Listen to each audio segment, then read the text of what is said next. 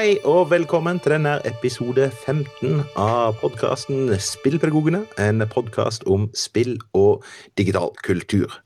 Og i dag så har vi med oss eh, Halvor. Hei. Vi har med oss Tobias. Hei sann. Vi har med oss Magnus. Hei, hei. Og jeg, Alexander, er også her i dag. Det vi skal snakke om i dag, det er norske spill. Det er tross alt en hel del spennende som skjer i uh, norske, norske spillutviklermiljøet. Men uh, før vi kommer så langt, så skal vi ta oss en rask runde og snakke litt om hva vi har holdt på siden sist. Og vi begynner med deg, vi, Tobias. Ja, hva har jeg gjort siden sist? Nå var sist gang. Det begynner å bli litt sånn siden. En måned.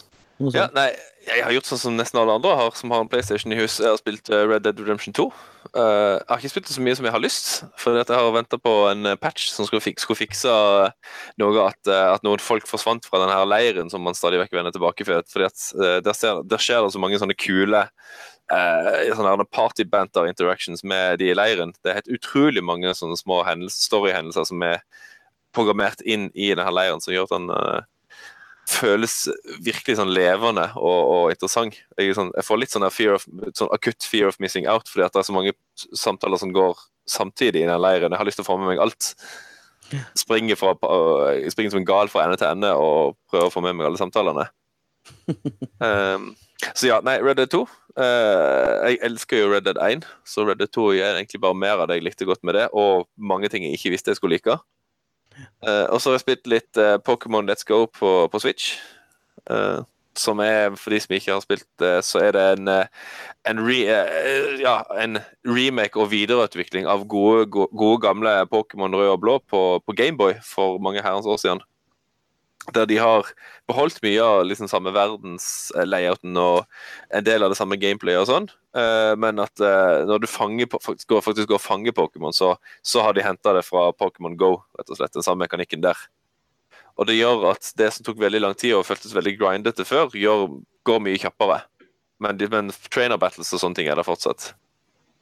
Ja. Uh, ja. Så det, det, er det jeg har spilt. Uh, og så har jeg spilt litt Battlefield 5 da, med kompiser og sånn. Og det er gøy. Og så, Det har ikke blitt så veldig mye gaming på skolen, da, men jeg har et prosjekt i norsk nå der vi har uh, gått gjennom en del eldre tekster, som Beowulf og uh, Iliaden og uh, et par sånne uh, ja, virkelig gamle tekster. Og så, og så skal, har de fått i oppgave å sammenligne en, en av disse eldre tekstene med en, en nye, en, en samtidstekst av hvilken som helst sjanger. Uh, med utgangspunkt i et selvvalgt problemstilling og selvvalgt tema og sånne ting. Og da er det en del som har tatt, uh, tatt dataspill. Og det sa jeg òg innafor. Det er jo uh, veldig, veldig naturlig å gjøre det, egentlig. Jeg mener, ja, den, den, samme Quest-romantikken er jo veldig til stede i dataspill. Mm. Ja, altså det er noen som Jeg har en elev som har gitt en utfordring å slenge med en Witcher-referanse i hvert eneste, hver eneste oppgave han gjør i norsken i år. Så langt har han levert med stil. Så ja, det er egentlig det jeg har gjort. Jeg har også spilt uh, litt Red Dead Redemption, da. Um, men uh, i likhet med deg, eh, Tobias, altfor lite. Jeg lurer på om det er noe med livsfaser. Det er sånne åpne verdener hvor man bare kan la timene gå. Det, de, de lar seg bare ikke spille lenger. Nei, altså, jeg, blir så lett sidetracked i sånne spill. Bare, den siste timen har bare gått på jakt og, og gjort sånne koselige saker. Ja, ja. og sånne ting. Jeg fikk ganske tidlig så fikk jeg et oppdrag hvor jeg skulle Så tok jeg et oppdrag fra en sånn fremmed hvor jeg skulle eh, en, en, forfatter som satt på en salon og skulle skrive eh, biografier om sånne gunslingers, revolvermenn rundt omkring. Mm. Og så ville han at jeg skulle oppsøke dem og ta bilder av dem. Mm. Og, og jeg intervjuet dem eller liksom høre om de var, eh, hvordan det gikk da for å liksom researche til boka hans. Og det brakte meg ut i eh, altfor langt hjemmefra. Du snakker om den campen. Jeg så liksom ikke den på timevis. og var egentlig altfor lav level for det, det oppdraget, tror jeg. Mm. Men jeg eh, gjorde nå det, og det har egentlig tatt omtrent all tida jeg har hatt. Så jeg er ikke helt Nei, det er som vi snakka om litt før sendinga, jeg burde kanskje begynne på nytt, rett og slett. Men, men ja. Fytti grisen for en detaljert og troverdig verden. Altså, jeg vet at Rockstar alltid lager gode verdener, men her har de virkelig overgått seg sjøl. Ja, altså. ja, det er helt, helt, helt sinnssykt hvor detaljert den verdenen der er. Ja, ja. Hundrevis av dyrearter og planter og Ja. Ja, og en kjempestor sånn civilopedia, som, som vi gamle Civ-playere kaller det. Mm. Veldig, veldig stor sånt oppslagsverk etter hvert, med, med, ting som man kan finne og, og, og lese om og bruke. Mm. Jeg kan se for meg at man kan, man kan, researche ganske mye og lære mye om, ja. om Nord-Amerika. Det har vært så, du, Vi har diskutert hvor sørgelig dekning uh, Red Dead 2 har fått i, i, kanskje spesielt norske medier. Det har vært nok en gang veldig ensidig, ensidig fokus på vold og mm. ja, anabaluba. Men jeg har innsett at det jeg har gjort minst i mine 15-18 timer med Red Dead 2, er å skyte folk. Ja. Det, jeg, det, jeg, har gjort mest, er å ri rundt forbi og snakke med folk. og Eller poker og uh, ja å gå på jakt, ikke minst. Det synes jeg er kjempegøy. Kjempespennende å gå på jakt. Ja. Det var vel den der nyheten om, om at de, eh, noen som eh, filma og la ut på YouTube at de banka opp sånne kvinnesaksforkjempere. Mm. Eh, som, som, ble den store oppslaget i var det Aftenposten, eller var det en av, et av riksmediene i hvert fall. Mm. Uten at de hadde skrevet noen ting om spillet. og og overhodet ikke om at, hvor flott det er at man lager western, eh, et westernspill hvor det tematiseres. At, ja. at, det var en kvinnekamp, at det pågikk eh, den typen eh, brytninger i samfunnet. Mm. Det var liksom ikke interessant. Det er bare at det går an å banke dem opp. Det ble liksom ja, sant. Da er TV et oppdrag der du skal hjelpe en gjeng med, med kvinnestemmerettsforkjempere. Ja, det er jo det som er oppdraget. Ja, sant. Så, så, men også, også har jo selvfølgelig Rockstar fått en del hate for dette her, da. Men jeg, jeg er usikker på i hvor stor grad du kan skylde på utvikleren for alle de mulighetene som, som åpner seg i et såpass komplekst spill som det. Mm. Men burde utvikler eh, åpne for så mange muligheter? Sånn at Ja, sånn at eh, altså, Jeg har jo ikke spilt spillet, men jeg har jo sett, eh, altså, altså, jeg har sett denne videoen. Og det er jo ganske brutalt. Ja. Jo, men, men, det er jo en konsekvens av at det er åpent. Altså, jeg, jeg har også hørt, hørt um, spillforskere si det at alt som er mulig å gjøre i spillet, er intendert, men det er jeg rett og slett ikke enig i. Jeg er med på Tobias på den. Du, hvis du lager en spillverden og sier at her skal, være, her skal, det være, stor åpenhet for å gjøre alt mulig, mm. da kan du ikke sperre det på enkelte personer fordi det vil være politisk ukorrekt. Nei, det, det blir litt som å, å, å da, altså, Hvis man skal liksom begrense alle, mål, alle måter for enten ulovlige eller politisk ukorrekte ting, må, ja, hvorfor, hvorfor, lager man da biler som kan gå fortere enn 90, f.eks.? Eller 100 ja, for den saks skyld? Hvorfor, hvorfor, hvorfor, hvorfor uh, selger man alkohol? Det er mulig å drikke seg i hjel, tross alt. Mm. Men, så nei, jeg um... Og så forventer man av spillutviklere at de skal sitte og gjøre sin fantasi så skitten de overhodet kan, og gå i, i konkurrere med verstingene på haterne om, om, å liksom finne på de mest bestialske ting du kan gjøre da, i et åpent spill. Mm. Men samtidig så altså, de, hadde, de, kunne jo, når vi først er inne på det, de kunne jo ha gjort ak altså, akkurat disse NPC-ene udødelige. De kunne jo det, på samme måte som barn i Follow 3 er udødelige. Selvfølgelig, ja. tenker jeg. Jeg har ikke tall på hvor mange spill ganger jeg har prøvd å skyte, skyte min kompanjong i et spill under en, en, eller annen sånn samarbeidssekvens, bare for å oppleve at det ikke går an. Mm. Så de kunne jo ha gjort det valget udødelige. Ja. Altså, de har gjort det udødelige. Men, ja, men ja, for det er sånn at Jeg syns det du var inne på nå, uh, Tobias, egentlig er ganske interessant. Altså, uh, du, altså, det er en selvfølgelighet i Fallout 3 at det er gjort barn udødelige. Mens ja. uh, altså, Sånn at der er det en grense som du tenker at, tenker at spillutvikler skal, skal, forholde seg til. Men ja. på, på, andre umoralske handlinger så, så er det mer innafor. Det er veldig Nei, vanskelig å lage et Vill Vest-spill hvor umoralske handlinger er forbudt. da. Jeg mener, hvor mange, hvor man, man, begår en del drap gjennom et oppdrag. altså. Men, men, men, men, liksom, altså, hva skal vi si?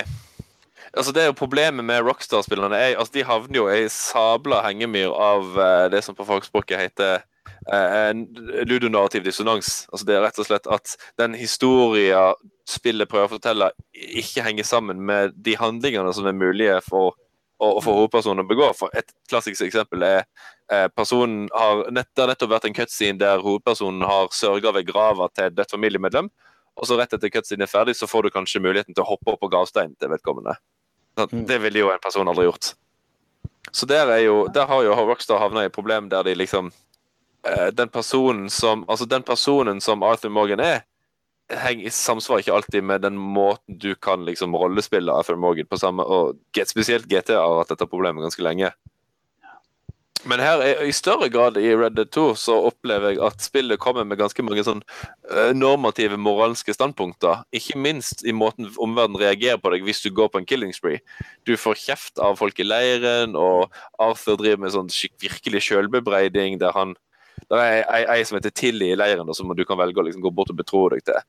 Og så spør jeg hvordan går det. Jeg går ikke så bra, jeg har drept uskyldige, og jeg vet ikke hvorfor. og han, han sånn, bærer på en skikkelig anger, da, tydeligvis. Eller i denne journalen sin han har, så skriver han om, eh, om en Charles i, i, leiren, da. Som eh, han ser et mye, mye, mer, mye bedre menneske enn han sjøl. Og sånne ting. Og jeg har aldri sett en, en hovedperson i et Rockstar-spill betvile sine egne handlinger i såpass stor grad som her. Så, så det, det, å si at liksom, spillet er uh, umoralsk eller, eller en gang etisk nøytralt, det, det, det, henger ikke på greip. Det tror ikke du kan si jeg kom på en liten greie, for da har, de, da har de blitt litt voksnere i Rockstar siden GTA 3. For der kunne du jo uh, øke uh, livs... At du hadde 100% liv, da. Altså kan du kunne få 125 ved å kjøpe sex fra en prostituert. For da, da økte liksom eh, Ja, ja da, da, fikk du 125% liv. Og det, ja, det, var jo veldig intendert uh, til umoralsk handling. Da, ja, ja, da får du en, en spillmekanisk belønning for å gjøre noe uh, ulovlig. Liksom. Ja, ikke sant? Ja. Det er jo så, ja, det hadde, nok, det hadde nok vokst litt siden sist, ja. Eller siden, siden da. Men siden dette ikke er dagens tema, dere, og vi nå har brent av en del minutter på det, så tror jeg vi stopper der. Mm -hmm. Er det noen som uh, ingen, ingen uh, kommer til å uh, skyte meg for det? Nei, det er Og så kan jeg runde, av med å liksom legge hva heter det nå, legge ballen død med noe litt mindre dramatisk. For det jeg også har spilt, det jeg faktisk har spilt en del, da, når jeg ikke har fått til å være så mye i Red Dead som jeg hadde lyst til, det er jo sjakk. Eh, jeg er en av de som eh, hver, hver gang det er sjakk, eh, sånn Magnus Carlsen på, i VM på TV, så uh, gjenoppliver jeg sjakkappen min igjen. Uh, og det er jo veldig morsomt og hyggelig og veldig sånn casual på en måte, for man, uh, man har jo gjerne et døgn på seg til å gjøre et trekk og sånn. Så jeg tenkte at Jeg tror aldri vi har snakka om det før, men hvis noen trenger et tips på en god sjakkapp, så um, fins det sikkert mange der ute. Men um, den jeg bruker, heter Chest Chess Time. Og fins både til Android og uh, Apple-telefoner, så vidt jeg uh, veit. Og er veldig fin fordi at den har en sånn uh, den har en sånn ratingsystem hvor du etter å ha spilt en fem-seks fem, partier, så har, du, så har, du, fått en rating som gjør at du kan spille mot folk som er omtrent like gode som deg. Du kan velge å, å utfordre noen tilfeldig i verden, men innafor ditt, e, egen, ditt, eget nivå. da. Ja.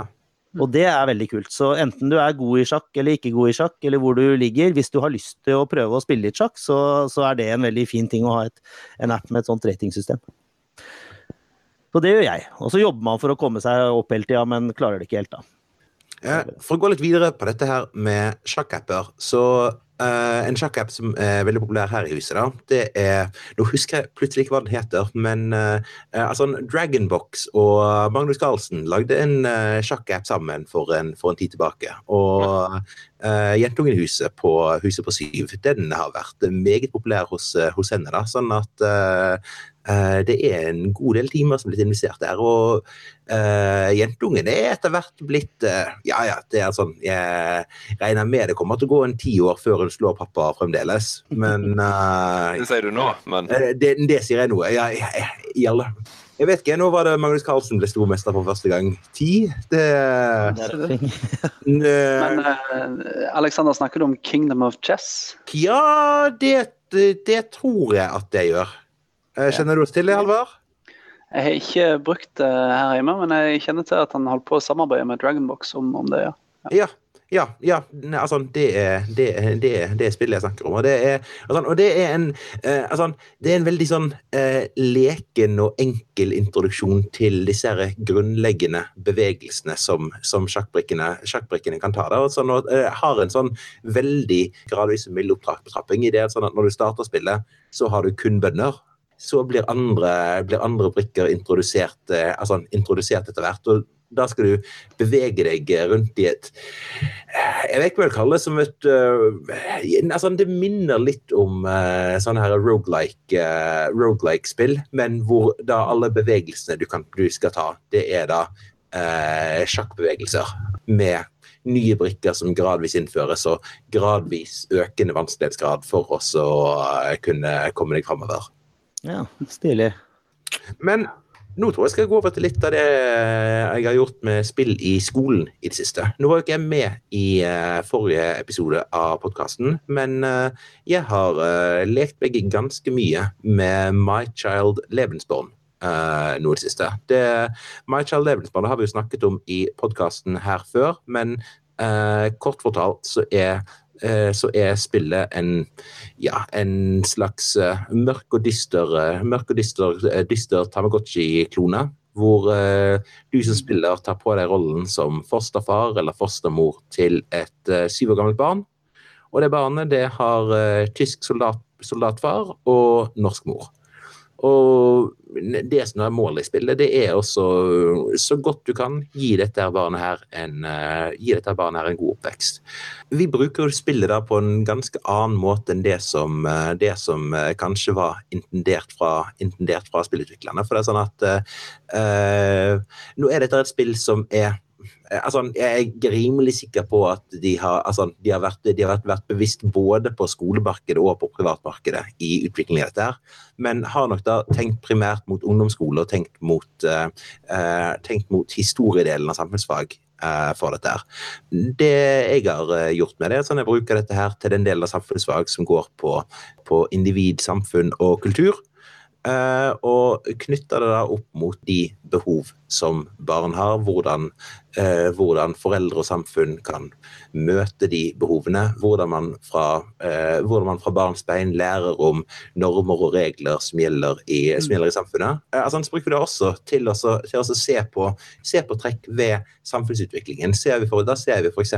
på Da ber jeg f.eks. Elevene, for elevene om å se på hvordan er det det norske samfunnet er beskrevet i dette spillet her.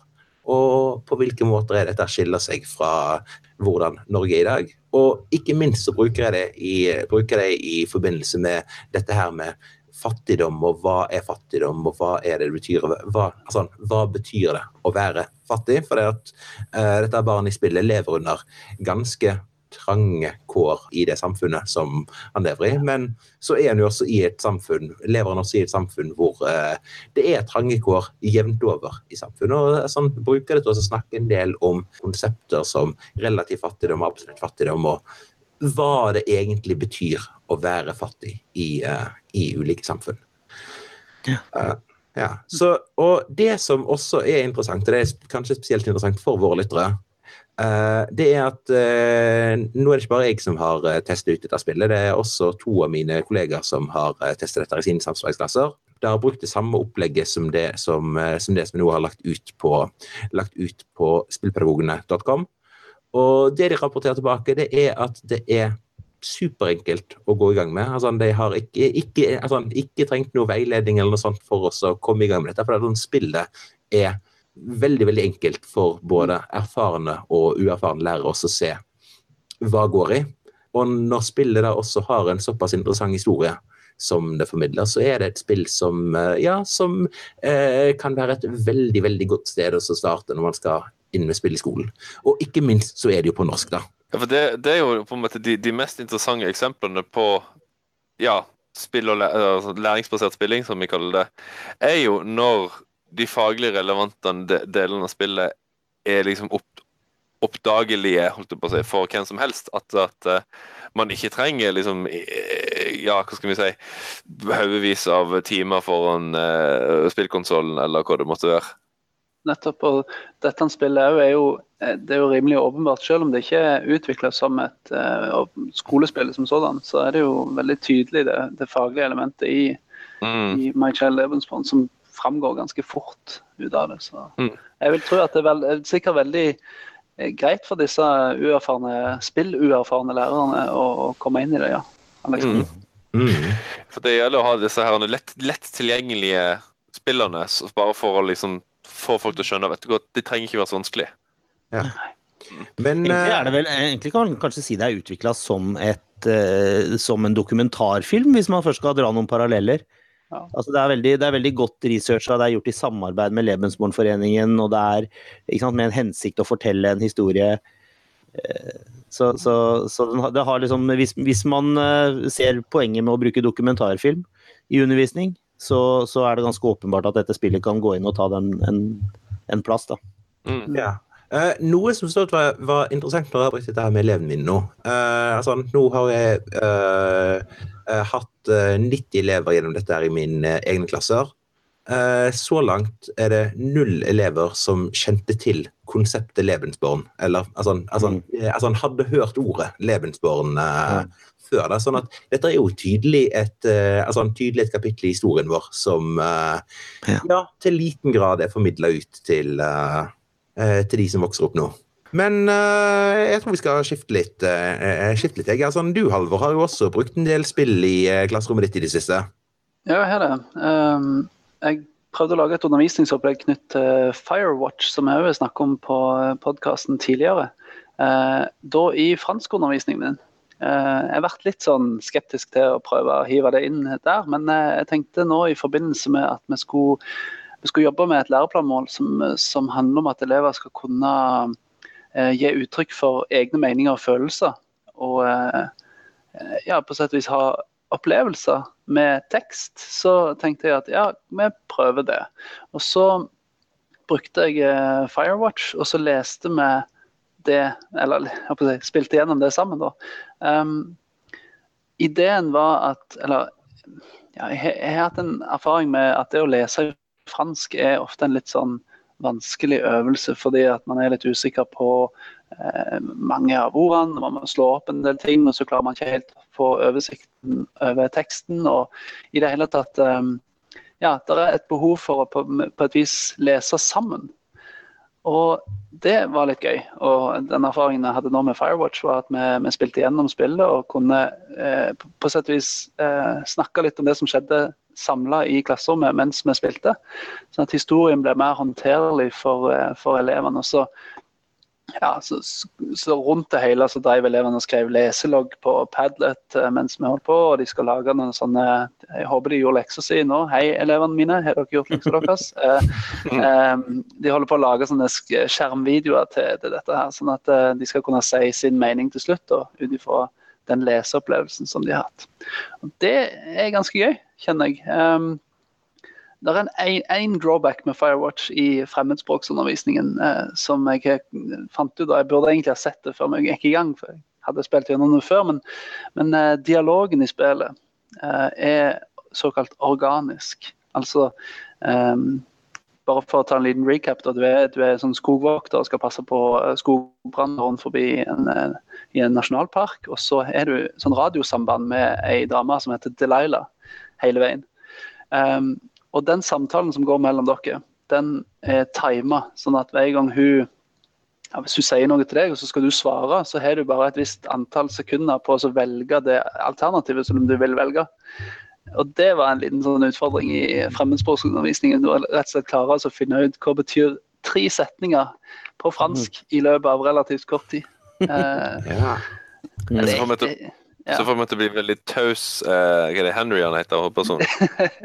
ja, eller bare velge random ting. Ja. Uh, men, men litt sånn på sida av det, da. Jeg syns det, det, var ikke, det var ikke noe sånn showstopper for, for del. Jeg syns det funka veldig bra, og det var veldig gøy å kunne oppleve en historie sammen. Fordi vi kan snakke om alle de forskjellige tingene som skjer i, i, i skogen. Og, og alt av eh, skilt og informasjon er på fransk, og vi kan ja, jobbe litt sånn med det. Så det var kult. Eh, anbefales veldig i fremmedspråksundervisning. Jeg vet det finnes på andre språk òg, så det er bare å kjøre på. Det er jo noe vi ikke, kanskje ikke alltid er flinke nok til å huske på eller nevne. Nå har ikke jeg noen fremmedspråk, da, riktignok, men eh, bare det å liksom ja, spille et spill på, på tysk eller på fransk Mm. eller hva det måtte være. Mm. Kan i mange tilfeller være det er ikke så, for, eh, gull, gull, for det er ikke så mye tekst av gangen Nei, nettopp. ofte. Sammenlignet med ei, ei middels lang novelle, for Uh, altså, i, Firewatch, I Firewatch er det både tekst og lyd samtidig? Altså, altså er det mm. ja, undertekster? Ja, altså, ja, det er undertekster. Ja, det er det. Eh, på, på, ikke på dialogen, men på um, det som er av informasjon rundt forbi. Og, og ja, opp, oppdragstekst og litt sånn forskjellig. Men du, du får ikke undertekst på dialogen, nei. Eh, men det som skjer, er jo at du da gjerne er Du leser kanskje et, et, et brev eh, som ligger rundt forbi, og så kommer det samtidig dialog. Og så skal du prøve å svare på på den samtidig som du prøver å lese dette brevet. sånn at den, Det kan bli litt, sånn, litt stressende til tider. Mm. Uh, men det gjør jo ikke så mye om man ikke Det er som du sier at man kan velge litt random, eller man, kan, eh, mm. man får et bestemt utfall hvis man velger en veldig taus eh, karakter også, for så vidt. Så jeg tror ikke utfallet er så veldig forskjellig, egentlig. Nei, det er kanskje, det er kanskje mer lineært enn man tror. Jeg har bare spilt det én gang, jeg, så jeg har ikke ja. fått det. Det har jo fått litt kritikk nettopp for at det er såpass uh, skripta at, um, at, ja. at det skjer ikke så mye med, med historien, med, avhengig av de valgene man tar. Men, jeg mener, spill er jo litt sånn altså Jeg husker bare sånn da jeg var, var da begynte, å, begynte, å, spille for mange mange år siden, at, at um, det var jo veldig mye jeg ikke skjønte, men man klikka litt her og klikka litt der, og så kom man videre. I motsetning til en, en, novelle du skal lese på skolen, hvor du er veldig redd for å ikke ha forstått alt. da. Mm. Ja, altså, Poenget her var jo å, å at elevene skulle uttrykke sin, sin uh, leseopplevelse, uttrykke det med ord på et mm. vis. Og det, mm. ja, det tror jeg blir bra. Og så, eh, Apropos spill som er på fransk. Eh, jeg oppdaga nettopp holder på å spille et spill som heter 'Milkmaid of the Milky Way'. Jeg har ikke kommet gjennom det. Det er et spill som er på norsk og på rim eh, laga en kar som heter Mattis Folkestad. Vi kommer litt tilbake til det etter hvert. Men det finnes òg faktisk på fransk og på rim, så det tenker jeg skal prøve å spille gjennom etterpå. eh, så det har jeg spilt. Og så har jeg jobba litt med et spill som heter uh, The Frost Rune i uh, klasserommet. Det kommer vi òg litt tilbake til etter hvert, tenker jeg. Det er mye bra norsk altså, som er ute, syns ja. jeg.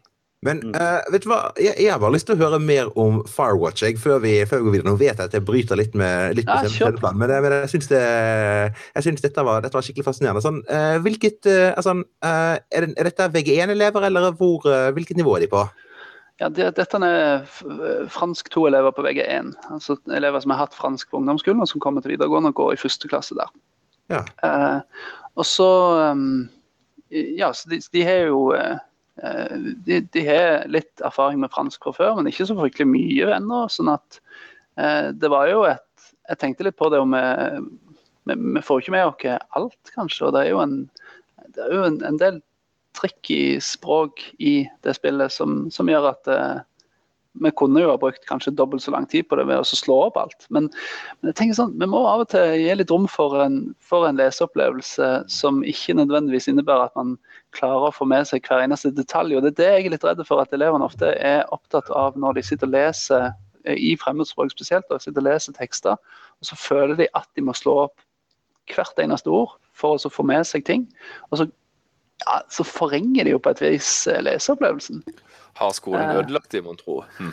hmm, nei, men det er i hvert fall en, en, en tanke om at, eh, at, elevene kan si veldig mye om tekst, selv om de ikke nødvendigvis har fått med seg hver eneste lille stein og mm. blomst. Ja. Mm. Ja, Man får vel aldri med seg absolutt alle, nyanser altså, vi, vi, holdt på å si voksne får vel heller aldri med oss alle nyansene i teksten vi leser uansett, så Ja, snakk for deg sjøl. Jeg, jeg, jeg fikk en sånn flashback nå til Jeg var i Frankrike et år fordi at jeg strøyk i fransk på videregående, og så måtte jeg gjøre noe med det. Og så dro jeg til Frankrike, og det var veldig gøy. Men da prøvde jeg jo å lese romaner. Da leste jeg Ken Follett på fransk. Eh. Og så husker jeg at Jeg husker veldig godt den opplevelsen av at jeg kom mye lenger i fortellingen når jeg, når jeg var trøtt.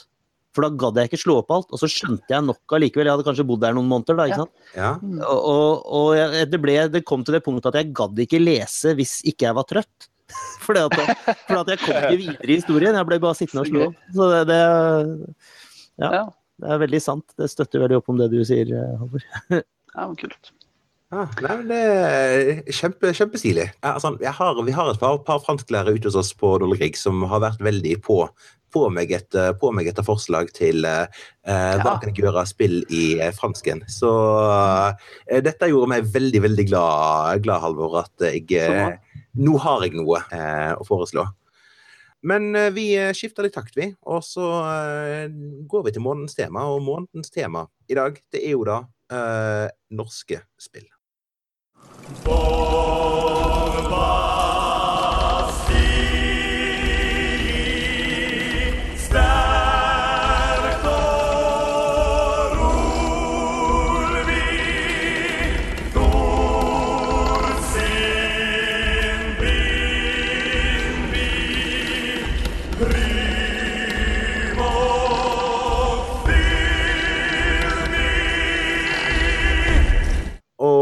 Litt av grunnen til at dette er månedens tema, det er at vi har jo visst en god stund at det er en del bra ting som skjer i den norske spillbransjen også. Eh, men nå for eh, relativt kort tid siden, det er vel et par uker siden nå, så, det, så hadde de en eh, sånn profileringskampanje på Uh, denne her spilldistribusjon, spilldistribusjonstjenesten uh, Steam, hvor de uh, hadde supersalg på, på da, en bråte med norskutvikla spill. Og den oppdagelsen, oppdagelsen, som jeg gjorde der, var at søren heller, her har jeg ikke fulgt godt nok med i timen. Her er det ganske mye spennende som Ja, som jeg som norsk spillpedagog burde, burde vite om. Uh, og vi tenkte bare skulle snakke litt om noen av, noen av, disse spillene som vi no, Ja, noen spill som vi har oppdaga nå i uh, nyere tid, og noen, uh, noen norske, norske, spill som vi har, som vi har likt, likt, og, likt og satt pris på over lang tid. Og da tenker jeg det at altså, du var jo så godt i gang, Halvor, med Firewatch. Jeg har lyst til å høre hva du har å si om Frostbrune også. Ja, jeg kan si litt om det. fordi det, det, er et spill som, eh, som er utvikla av eh, ja, hvem er det? Snow Cannon Games som har gjort det. Og så er det gitt ut hos Grimnir. Eller er det motsatt? Ja, uansett. Det er et uh, spill som, som bygger på en del Ja, det er knyttet til norrøn mytologi. Og jeg har brukt det i klasserommet Eh, sammen med en roman, faktisk. Vi leste en roman eh, av eh, en forfatter fra Randaberg som heter Line Mølleropp, som skrev 'Sagaen om Ragnarok', kom ut i fjor. Den, etter vi hadde lest den, den leste vi høyt i klasserommet, og så, og så fulgte vi liksom opp med dette spillet for å igjen for å, for å, jobbe litt med leseopplevelse og, og tekstskriving. Eh, så vi, er, vi er ikke ferdig med det ennå, men, eh, men, elevene syns at eh, det, var, det er et sånt pek og klikk-spill. dette, sånn, sånn, Med litt sånn puzzles knytt til norrøn mytologi. Og elevene likte det veldig godt. Jeg var jeg var, litt, jeg var litt, egentlig litt redd for at sånn peg-klikk, bare bare flytte rundt forbi-spill ikke var så veldig kult lenger. Men der tok jeg feil. Elevene likte det veldig godt. Men dere spilte dere andre òg? Eller Aleksander, du spilte? Nei, Frostrune hadde ikke jeg spilt. Eh, men uh, hadde ikke du spilt det, Magnus? Nei, ja, nei jeg, har prøvd, jeg, har prøvd, det, men jeg må med skam innrømme at det gikk den veien de fleste pek og klikk Eller foreløpig har gjort det godt dit de fleste pek og klikk går. At, at, jeg kommer omtrent til det, det første Eller jeg, jeg kommer liksom bitte lite grann inn i det, og så, og så, er det et eller annet jeg ikke finner, og så har jeg ikke nok stamina. Og så Men du, der er jo, Frostun hjelper deg jo veldig. da. Der er en egen, ja. det er, jo er en haug med hint i det ja. spillet. Sånn at, I det spillet så har jeg faktisk Jeg har bare åpna og sett at det var fint. Ja, og så har jeg, og så har jeg, jeg har antagelig spilt 15 eh, minutter.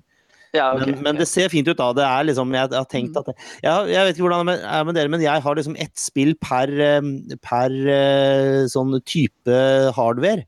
Og det, Frostrun er liksom er mobilspillet mitt. Ja. Det er det jeg har på mobilen, på den lille, minste skjermen, og det er kanskje litt dumt, for det bør kanskje være en litt større skjerm, da. Ja, det tror jeg. Ja. Eh, det er et forholdsvis pent spill, så det fortjener ja. litt større skjerm, ja. Det så fint ut. Mm. mm. Og så er det noe med at når man skal lete rundt, når man skal peke og klikke, så er det dumt hvis skjermen er ørliten, da. Ja, så, ja det er sant. Ja. Eh, nei, jeg, jeg, må si jeg syns eh, det, det, er mye som er pent i det, blant annet at man har at man har et uh, lydspor og litt sånne stemningslyder rundt forbi som er veldig, veldig fine. Og så er det litt sånn ja, og så gir det deg eh, hint, og du kan trykke inn på pausemenyen og så finne en egen meny som heter hint. Og så kan man bla ned hvis man står fast, og, og prøve å komme seg videre på den måten. Sånn at det tar ikke Du, du blir aldri stående helt fast hvis du, hvis du bruker hintene. Og det hjelper litt elevene i klasserommet. sånn at hvis, hvis, man, hvis, man, havner litt langt bak kompisene, så kan man gjerne bare hinte seg litt framover. Jeg syns det, det, er et spill som er absolutt har potensial i, i klasserommet. Det, og altså, jeg kan jo bare si, eh, Magnus, sånn, det, det er kommet en nyvinning som hjelper sånne som deg med å komme seg gjennom PK-klikkspill. klikk-spill. Walkthrough. Uh, sånn, hvis du skriver det med THRU når du skriver det inn på Google, så uh, pleier det å komme opp en del gode forslag. Uh, jeg skjønner det. Men hvis man i tillegg er sta, vet du, hvis man både er lat og sta, det er da, det er da PK-klikk blir en veldig vanskelig sjanger. Ja. Men, ja, sånn, jeg har jo vært bortpå et, eh, bort et annet eh, norsk pek og klikk-spill, det som du eh, nevnte i sted, Halvor, nemlig eh, Milkmaid of the Milky Way. Det spillet synes jeg er helt fantastisk. Uh, dette var altså et spill som jeg oppdaga nå på dette, på dette Steam-salget. Uh, og det jeg synes delvis det, er, delvis det er fantastisk, for dette liker spillet i seg sjøl. Men dette her er også det første skikkelig skikkelige spillet som jeg har spilt sammen med, sammen med 20-åringen. Og vi har, uh, altså, vi har helt ordentlig funnet ut av ting sammen i det. Eh, jeg får jo også litt sånn nostalgitripp. For det er sånn at uh, noen av de første spillene som jeg spilte skikkelig, sant? det var jo Monkey Island og Beneath mm. Sky og etter hvert Roger Wilco Space Quest. Det å se at et meget pikselert pek og klikk-spill slår han, slår han hos syvåringen min. Det, det varmer i pappahjertet, altså. Mm. Kan jeg, kan jeg bare skyte inn at jeg har en ekstra sånn forkjærlighet som, en, kanskje, kanskje en forkjærlighet som jeg ikke praktiserer godt nok, eh, for spill som er lagd av bare ett individ. Ja. Det syns jeg er veldig kult. Mm. Ja, for det, det, er jo også noe med noe som må nevnes med, nevnes med Milkmaid, of, uh, Milkmaid of, the, of, the, Milky Way. Det er laget av uh, én kar som har stått for uh, både skript og tegning og musikk og ja, hva enn annet som går inn i spillutvikling. Det det var renessansemennesker, disse folka som lager spill helt alene. Jeg er super, altså, nå, kan jeg ingenting om spillutvikling, så jeg vet ikke hvor vanskelig eller lett det er, men jeg er superfascinert. Ja. Mm. Nei, han, han har altså dikta altså, Spillet er på rim, da. Og det er oversatt altså Det, det fins i både norsk, engelsk og fransk versjon. Jeg syns det er dritkult. men det, mm. Mulig han har fått noe konsulenthjelp på det han er språkene, men, men, eh, det er jo en kjempesvær jobb, selvfølgelig. Ja, klart det. Ja, for det, altså, Her er det ikke bare snakk om oversetting, her er det snakk om gjendikting. Eh, når alt er på rim. Altså, det er ikke, altså, oversetting i seg selv er vanskelig. Å skulle oversette, oversette vers det tror jeg vil være meget krevende. Mm. Eh, men Milkmaid of the Milky Way eh, mm. altså, tar drøyt to timer å spille seg gjennom fra start til finish. Uh, gitt at uh, hvis du er Magnus, at du har uh, Vær så snill, ikke spør hvor, om jeg har prøvd å gå for ikke har avslutta ja, altså, altså, gitt, altså, gitt litt grann hjelp av en walkthrough, så altså, altså, på underkant av to timer så kan du klare å spille gjennom det. Mm. Det har relativt lite tekst. Det er på norsk. Uh, det er, eller, I alle fall store deler av spillet er satt i norsk type nasjonalromantisk landskap. Både historien og spillmekanikken er såpass lett tilgjengelig at, uh, tilgjengelig at jeg tenker særlig for norsklærerne på eh, altså, ja, altså, særlig for norsklærerne, kanskje allerede på mellomtrinnet på barneskolen, men i alle fall på ungdomsskolen. Mm. Dette her er det spillet som man bør hive seg over. Enig. Det tror jeg er et mye for seg. Jeg er jo norsklærer. Ja, du bør også hive deg over dette her. Altså, du, bør, du bør i hvert fall ta og sjekke litt opp i det. For dette er sånn norske spill på norsk. Det er altfor alt for få av dem, og jeg håper det at Altså, altså jeg, jeg, vil se flere spill som, uh, som mm. dette her. Ja. Nei, jeg, jeg, er jo nesten jeg, jeg har jo VG2 norsk, og jeg, jeg, er jo nesten programforplikta til Jeg skal innom nasjonalmatematikken eh, etter, etter, jul. Jeg er nesten programforplikta til å ja, få klemme det her inn i timene mine. Mm. Iallfall når det er såpass kort. Ja. Det er lett å forsvare eh, at hele klassen spiller gjennom det. Og en litt mm. humoristisk twist på nasjonalromantikken er vel så dumt, kanskje. Det er jo derfor jeg har brukt Skyrim alle disse årene her, for å, for å snakke om liksom, hei, det finnes folk som tjuvlåner verket til Tidemann og Gud og resten av gjengen, holdt jeg på å si. Så det er kult at, at det er noen andre som fra, fra, fra faderlandet skyld som eh, tar sin egen spinn på det. Men apropos norsk og apropos nasjonalromantikk og apropos på rim, så er det jo et Per Gynt-spill i Kjømda òg, da. Det er ikke før ja. utpå våren en gang, men, men da, da, kommer jo det. Så. Du jobber litt, mm. Du, jobber litt med det, Magnus, gjør du ikke det? Uh, ja, blant annet. Mm. jeg, jeg, jeg, jeg, er med og, Eller jeg forsker på utviklinga, men det er litt sånn deltakende, veldig deltakende forskning, da. Mm. Så, så, det er kult. Men for, å sidetrack litt, er ikke det ganske spesielt òg, at, at, at, du som, som, som eh, forsker eh, liksom, løper med side om side med spillutviklerne, så å si? Det er jo litt kult. Jo. Jo, det er litt kult og litt spesielt. Det er, no, det er, det er en sånn uh, tradisjon som ikke er så veldig gammel, som heter uh, designbasert forskning hvor man går inn og skal rett og slett gjøre et, et produkt eller en prosess bedre. Mm. Og, og, så er det mye sånn selvrefleksjon og sånn, ja. Så, sånn at, at det, liksom, det, blir metodisk veldig eh, kronglete å, å gjøre rede for alt etterpå, kan du si. Men, men, eh, men man er, er, ganske tett med, tett på og med. Og eh, har til nå vært eneste, eneste lærer med klasseromserfaring med spill som, som har vært inni inne i det i det hele tatt. sånn at da har jo jeg blitt en ganske viktig rådgiver òg, kan du si. Mm. Så ja. Altså, det blir et langt med teori- og metodekapittel hvor jeg skal forsvare mine valg. ja.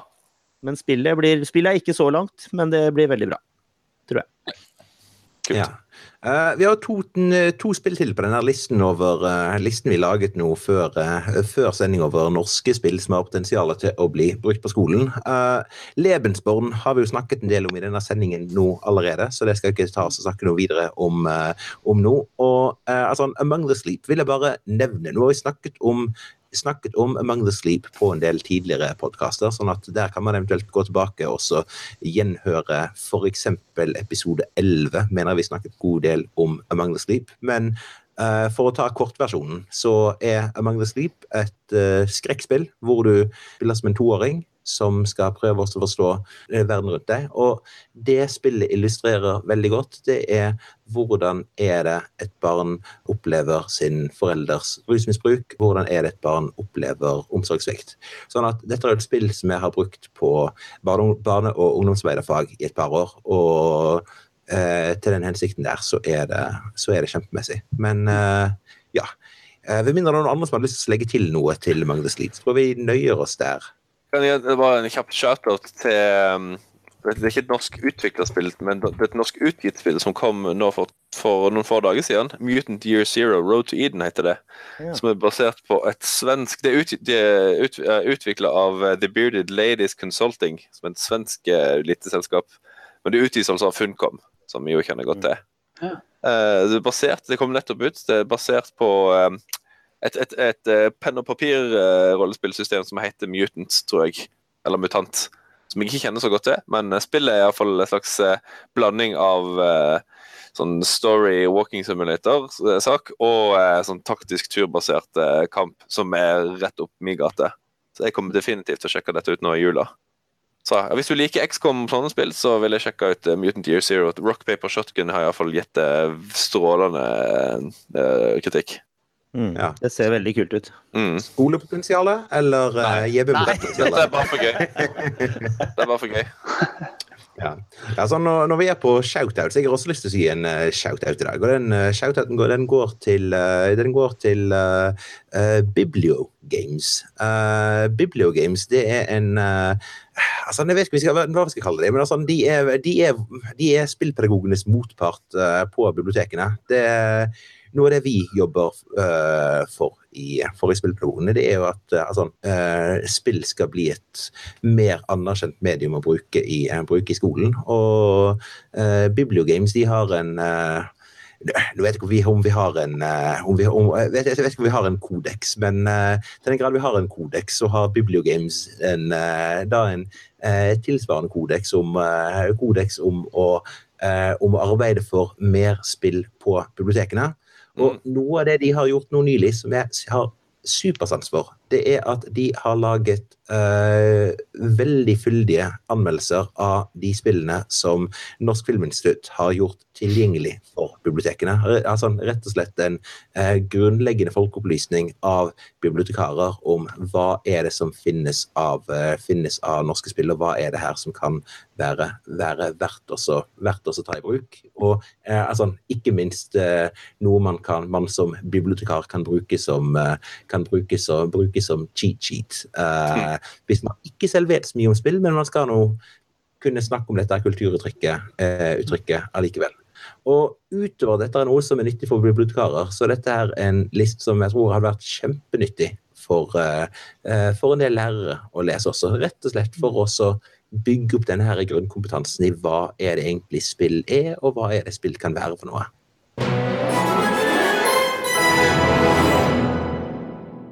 Da sier vi takk for oss med denne episoden, episode 15 av Spillpedagogene, en podkast om spill og digital kultur. Vi snakkes neste gang. Ha det bra. Ha det bra.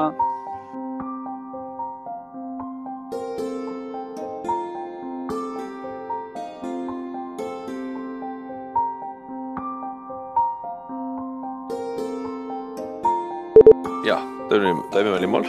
Ja. Vi er i mål for i dag. Ja, Neste gang er det jul. Neste gang er det jul, sant? Men, vi skal ta en liten julegaveprat også på et eller annet tidspunkt, skal vi ikke det? Ja, jo, vi må det. Vi skal prøve. Ja. ja. Mm. Yes. Hvis, hvis, vi får, hvis, vi ikke klarer det, så får Odin redigere vekk denne biten. ja, det er, altså, vi kan jo nevne at sånn, vi har jo ikke med vår uh, vår Odin, holdt jeg på å si. Sånn, uh, Odin er Odin er drivverket som får dette her til å gå, gå rundt altså, og fikser alt det tekniske og uh, mannen som kan lyd og sånne ting. Så, Odin er til tider både kapteinen på broa og ingeniøren i, i maskinrommet, altså. Vi bare... Det er ikke rart vi har famla litt i dag. Nei. Nei. Sånn at uh, Odin Shout-out til Odin. Ja. Ja. Sånn at Odin, når du hører dette her, det vit at vi setter veldig stor pris på deg. Vi viser det ikke ofte nok, men vi mm. setter superstor pris på at uh, uh, you make us look good. Ja. Og nå må vi avslutte før vi begynner å grine.